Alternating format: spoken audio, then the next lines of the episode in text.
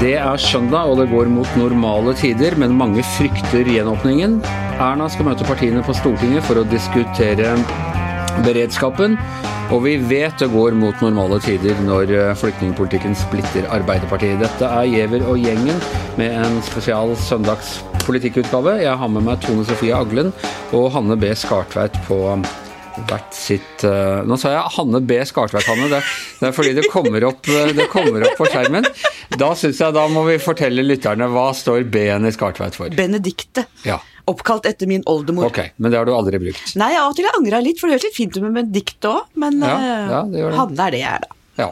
Nei, Hva syns du, Anders?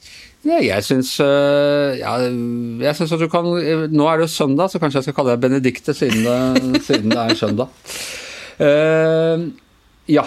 Uh, det går altså Denne uka så, så begynner man gjenåpningen av i uka som kommer, gjenåpningen av det norske samfunnet. Men ikke alle er, er helt klare. Det kom en undersøkelse på NTB i dag som viser at over halvparten frykter eller mener at denne gjenåpningen er for tidlig. Hva tror dere om det? Er det en, bare en sånn psykologisk sperre, eller er det en uh, reell frykt? Som er grunn til å grunn til å kose seg med, holdt jeg på å si? Jeg tror at mye av dette handler om at det store, eh, hva skal jeg si, den kraftfulle eh, måten å bremse koronaen på var å stenge skoler og barnehager. Det var liksom nå handler vi. Som gjorde at folk følte veldig alvoret ved krisa. Men det tror jeg også gjorde at det fikk en så symbolsk kraft at når man nå åpner igjen, så føler folk at det betyr at, måte, at man gir opp kampen mot koronaen. Så det, det var nødvendig å gjøre det tror jeg, den gangen det skjedde, men kanskje retorikken rundt det gjorde at det nå er vanskeligere å åpne igjen. Tone Sofie? Ja, og det er det som er utfordringa med å kommunisere alvoret. Samtidig så tror nok jeg at det her er også mye psykologi og litt sånn smitteeffekt. Jeg ser f.eks. at én av fire barnehageforeldre sier i en sånn undersøkelse at de ikke vil sende ungene tilbake. Jeg har veldig vanskelig for å tro at det er reelt. Jeg tror det er litt, sånn litt rett, lett å bli revet med. Og, og, det ser jeg jo også et ansvar vi i mediene har. ikke sant? Når vi skal gi stemmer til folk, så er det veldig lett å ta de motstemmene som er kritiske og er redde. Og jeg, jeg merker jo sjøl bare forskjellen på om en sånn sak blir eh, eksemplifisert med en person som er redd, eller en person som sier at nei, vi stoler på myndighetene, dette blir bra.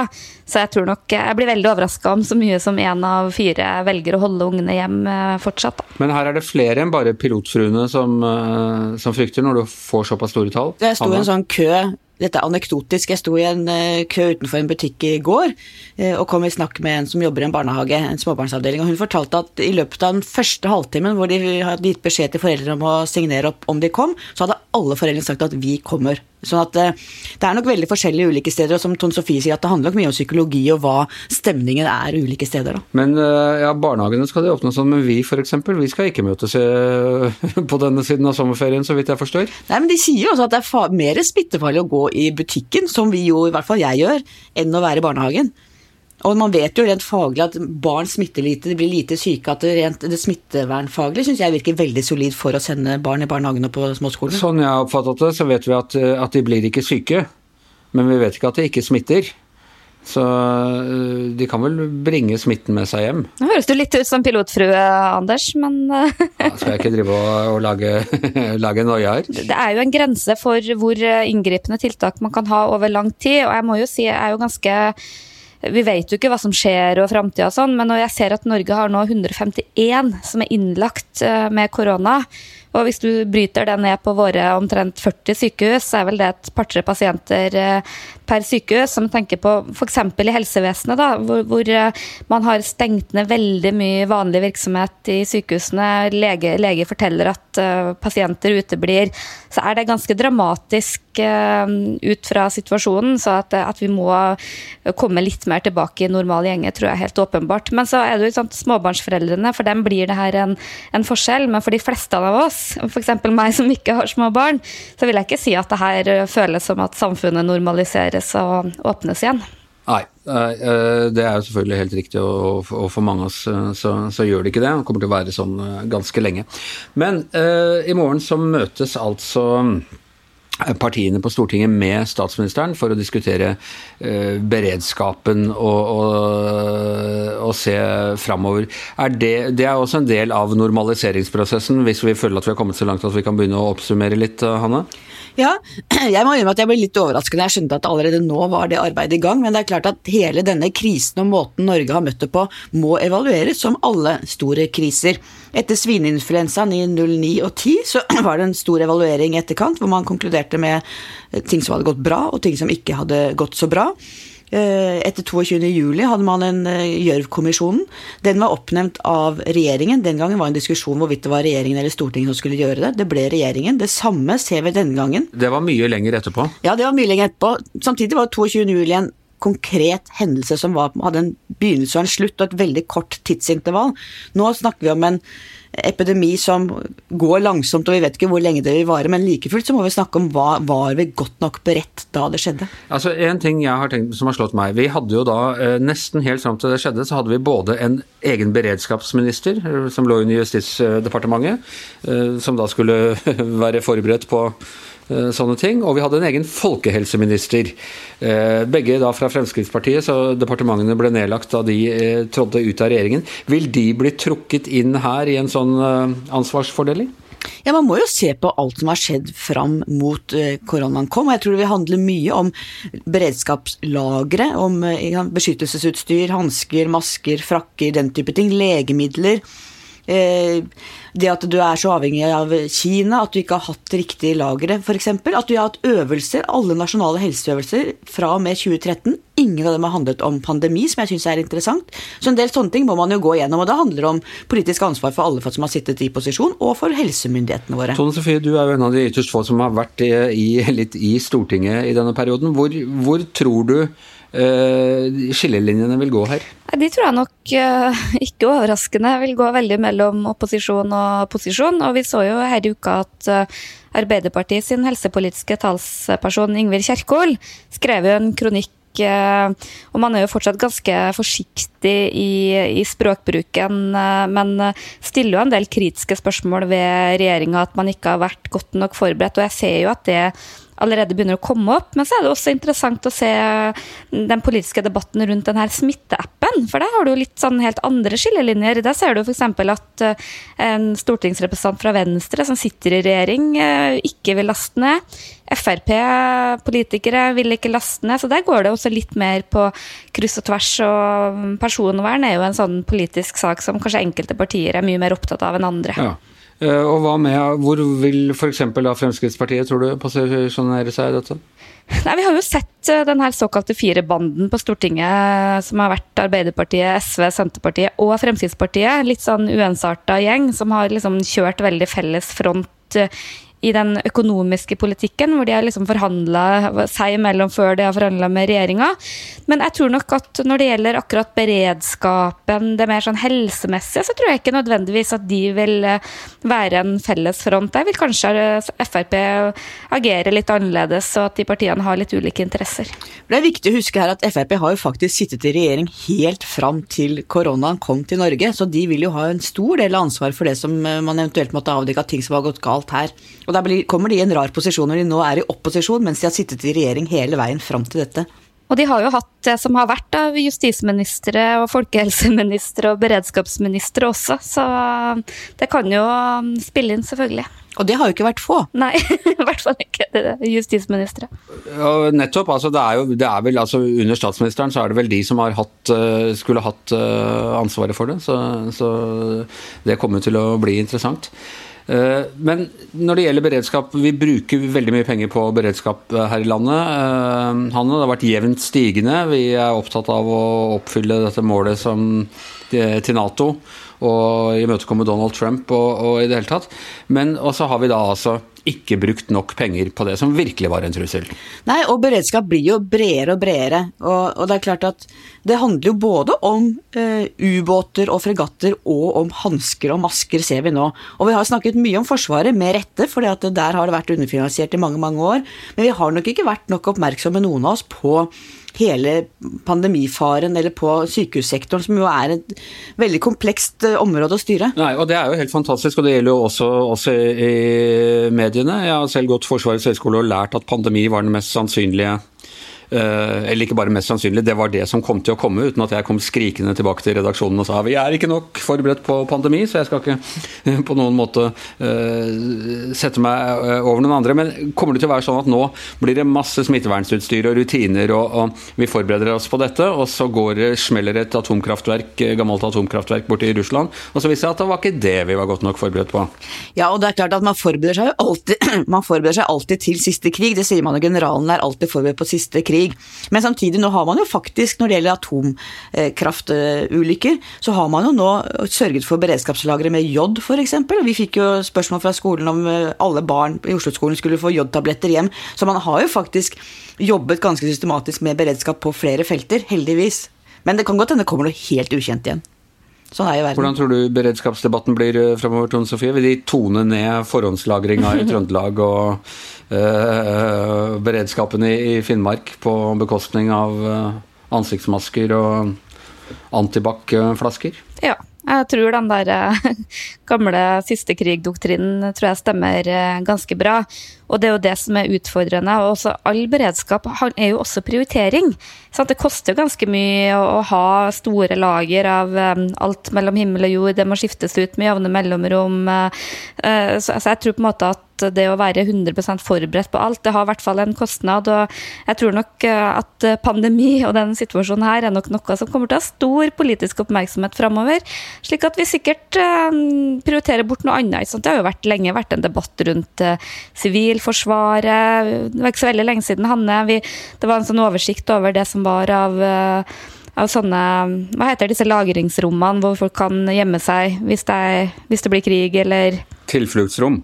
Tilfluktsrom heter det, vet du. Det er ord vi sjelden bruker. Standarden på dem er kjempedårlig. Det er liksom hele tida et eller annet som Og det er jo ingen som er opptatt av nå.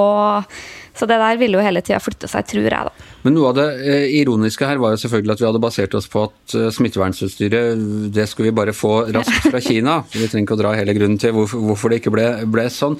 Men en lengre eh, effekt blir vi mer opptatt av sjølberging. Den gamle kjepphesten til, til Senterpartiet. Skal vi begynne å lage våre egne vaskemaskiner? Endelig. Jeg var innom på Stortinget forrige uke og snakka med Senterpartipolitikerne og sa at nå er det jo aldri noen igjen som tør å stemme ned deres forslag om kornlagre. Og da lo vedkommende godt og sa nei, det kommer ikke til å skje igjen. Nei, nå skal vi slite med norske tomater i eh, resten av mitt liv, eh, tror jeg. Hva tror du, Tone Sofie?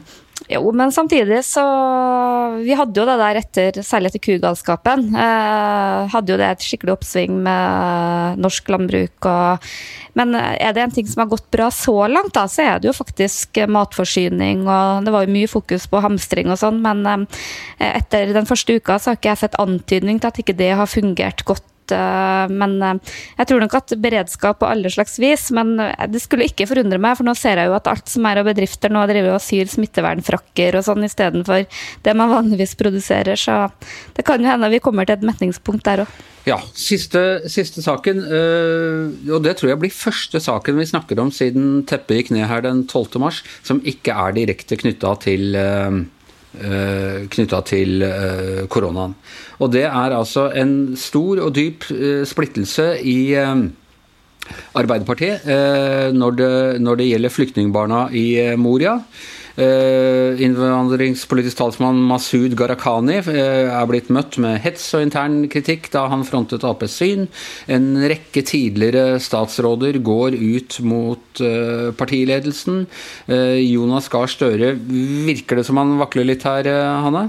Jeg syns han har stilt godt opp eh, og ganske solid bak eh, Gharahkhanis eh, gode argumenter, vil jeg si.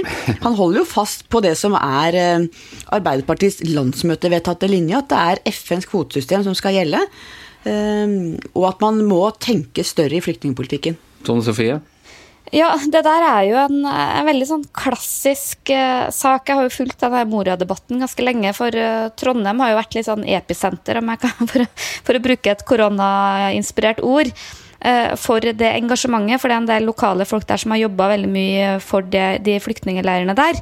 Og det har lenge vært et sterkt politisk engasjement for å hente hjem barn derfra, som liksom har virkelig skutt fart nå etter koronasituasjonen.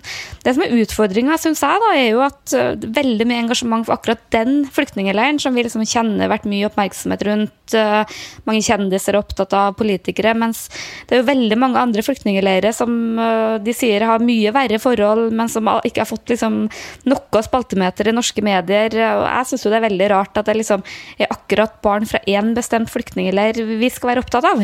Så jeg er jo veldig enig med Hanne at Eh, og det er Jonas Gahr Støre for så vidt, at det må være FN-system. Og så er det på en måte en annen vanskelig ting der òg. Det er jo det her med i hvilken grad skal vi på en måte premiere de som um, har hatt hjelp av menneskesmuglere. Og det er jo utfordring med de, med de flyktningleirene der. Men er ikke det klassisk sånn ja, men det er mye verre, uh, verre andre steder? Nå er det altså flere land som går ut og henter de enslige mindreårige barna i, i Moria-leiren. Kunne ikke Norge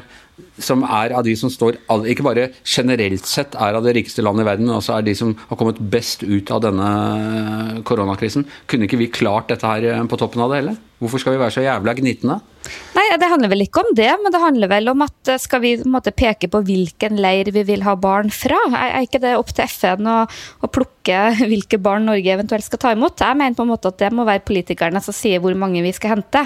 Så får FN hente de som trenger mest hjelp, ikke liksom de leirene som vi har pekt ut. Det er egentlig det jeg uh, syns er litt sånn det, det, er veldig menneskelig, for liksom det er det vi ser og det er det vi har et forhold til som man reagerer på. Men jeg syns også at det blir litt spesielt at, at, den får så sterk symbolverdi. Dette er helt det vil ikke være mot FNs vilje om vi henta barn fra Moria-leiren? Nei. Nei, men det, det, tar jo en plass. Poenget er at jeg er helt enig med Tone Sofie. Det er FN som må legge, eh, finne ut hvem det er som trenger det mest. Og det må være gniende poeng at jeg mener at vi i denne situasjonen som er nå, kanskje må bevilge enda mye mer penger til leiren. Det er en kritisk situasjon der. Og sørge for å kunne hjelpe langt flere der og bruke mye mer penger. Men det at man skal peke ut på en sånn symbolsk, følelsesmessig greie én leir, fordi at det er de vi ser, istedenfor å se hvor er det hjelpen trengs aller mest, det mener jeg blir eh, feil på alle måter. Hvis vi hjelper noen, så hjelper vi ikke noen andre. Den argumentasjonen kan man jo alltid bruke for å unngå å hjelpe noen som helst. Jeg mener at dette handler ja. Jo, men det er et spørsmål hvilke prinsipper, unnskyld, hvilke prinsipper skal du legge til grunn for flyktning- og asylpolitikken? Skal du legge til grunn at de som kommer seg over havet til Europa, er de vi skal ta inn for at de har eh, klart det via menneskesmuglere? Eller skal vi si at Norge skal ta imot så og så mange flyktninger, og FN har et apparat for å finne ut hvem trenger det mest, hvor er behovene størst? Det er det vi skal gjøre. og Det handler om de langsiktige linjene linjen i flyktningpolitikken. Det er veldig viktig at ligger fast. Sånn Sofie, du hadde også noe med Ja, her var vi ivrige, men jeg tror um, Hanne kommuniserte det godt. Og for meg handler det mer om prinsipper. Men samtidig så er det her veldig klassisk, for det er jo det vi har sett i sak etter sak når det gjelder familier som skal få bli, så er det jo familier vi ser, blir kjent med, som vi ønsker skal få, få bli i landet, som virkelig skaper engasjementet. Og det spesielle med situasjonen her er jo hvordan det her splitter uh, Arbeiderpartiet. Det er jo en sånn veldig sånn kjent problemstilling, men også den, uh, den, hetsen som han uh, Gurakhani har blitt utsatt for av sine egne for å, for å, kommunisere det han mener er partiets politikk. og Det viser bare hvor utrolig vanskelig denne saken er for partiet. Og Det stygge med den er jo at man bruker hans egen bakgrunn mot ham. Altså, Han får en type hets fordi han, hans familie har ikke vært lenge nok i Norge til at han liksom i, i denne sammenhengen så ble han da Ja, du har nærmest nærmest som om han er blitt reddet ut av en flyktningleir selv og, og nå ikke vil eh, hjelpe andre? Ja, Det må jeg si jeg syns er ekstremt stygt å se på. Og det er reinhekla rasisme fra de som prøver å fremstille seg som de liberale og menneskevennlige. Jeg syns det er opprørende å se hvordan han blir behandlet av sine egne. Ikke uenig med deg i det. Uh, noe mer du vil legge til i denne saken, uh, Tone Sofie? Det er masse å si om den, men jeg syns det var litt sånn befriende at Eh, at, det nå virker som at det er noen politiske saker som begynner å, å bryte gjennom lydmuren. Jeg har jo litt inntrykk av at mange er litt sånn mett av å bare snakke om korona og sitte og følge med på tall, og at uh, det er litt sånn ønske om å normalisere verden litt og diskutere politikken. Og jeg ser jo også at Stortinget har jo en ambisjon om å prøve å normalisere aktiviteten der. Så, så blir det sånn spennende å se utover hvor mye oppmerksomhet Eh, også andre saker nå får. Ok, det tror jeg vi lar være siste ordet. Eh, I morgen er det mandag, og da skal vi være enda mer normale eh, enn en vi har vært, eh, vært i dag. Eh, I hvert sitt studio Hanne Benedikte Skartveit, Tone Sofie Aglen, Anders Bare Anders Giæver og vår høykommissær for podkaster som sitter i sitt hjemmestudio og lapper det hele sammen, heter Magne Antonsen. Vi høres igjen i morgen.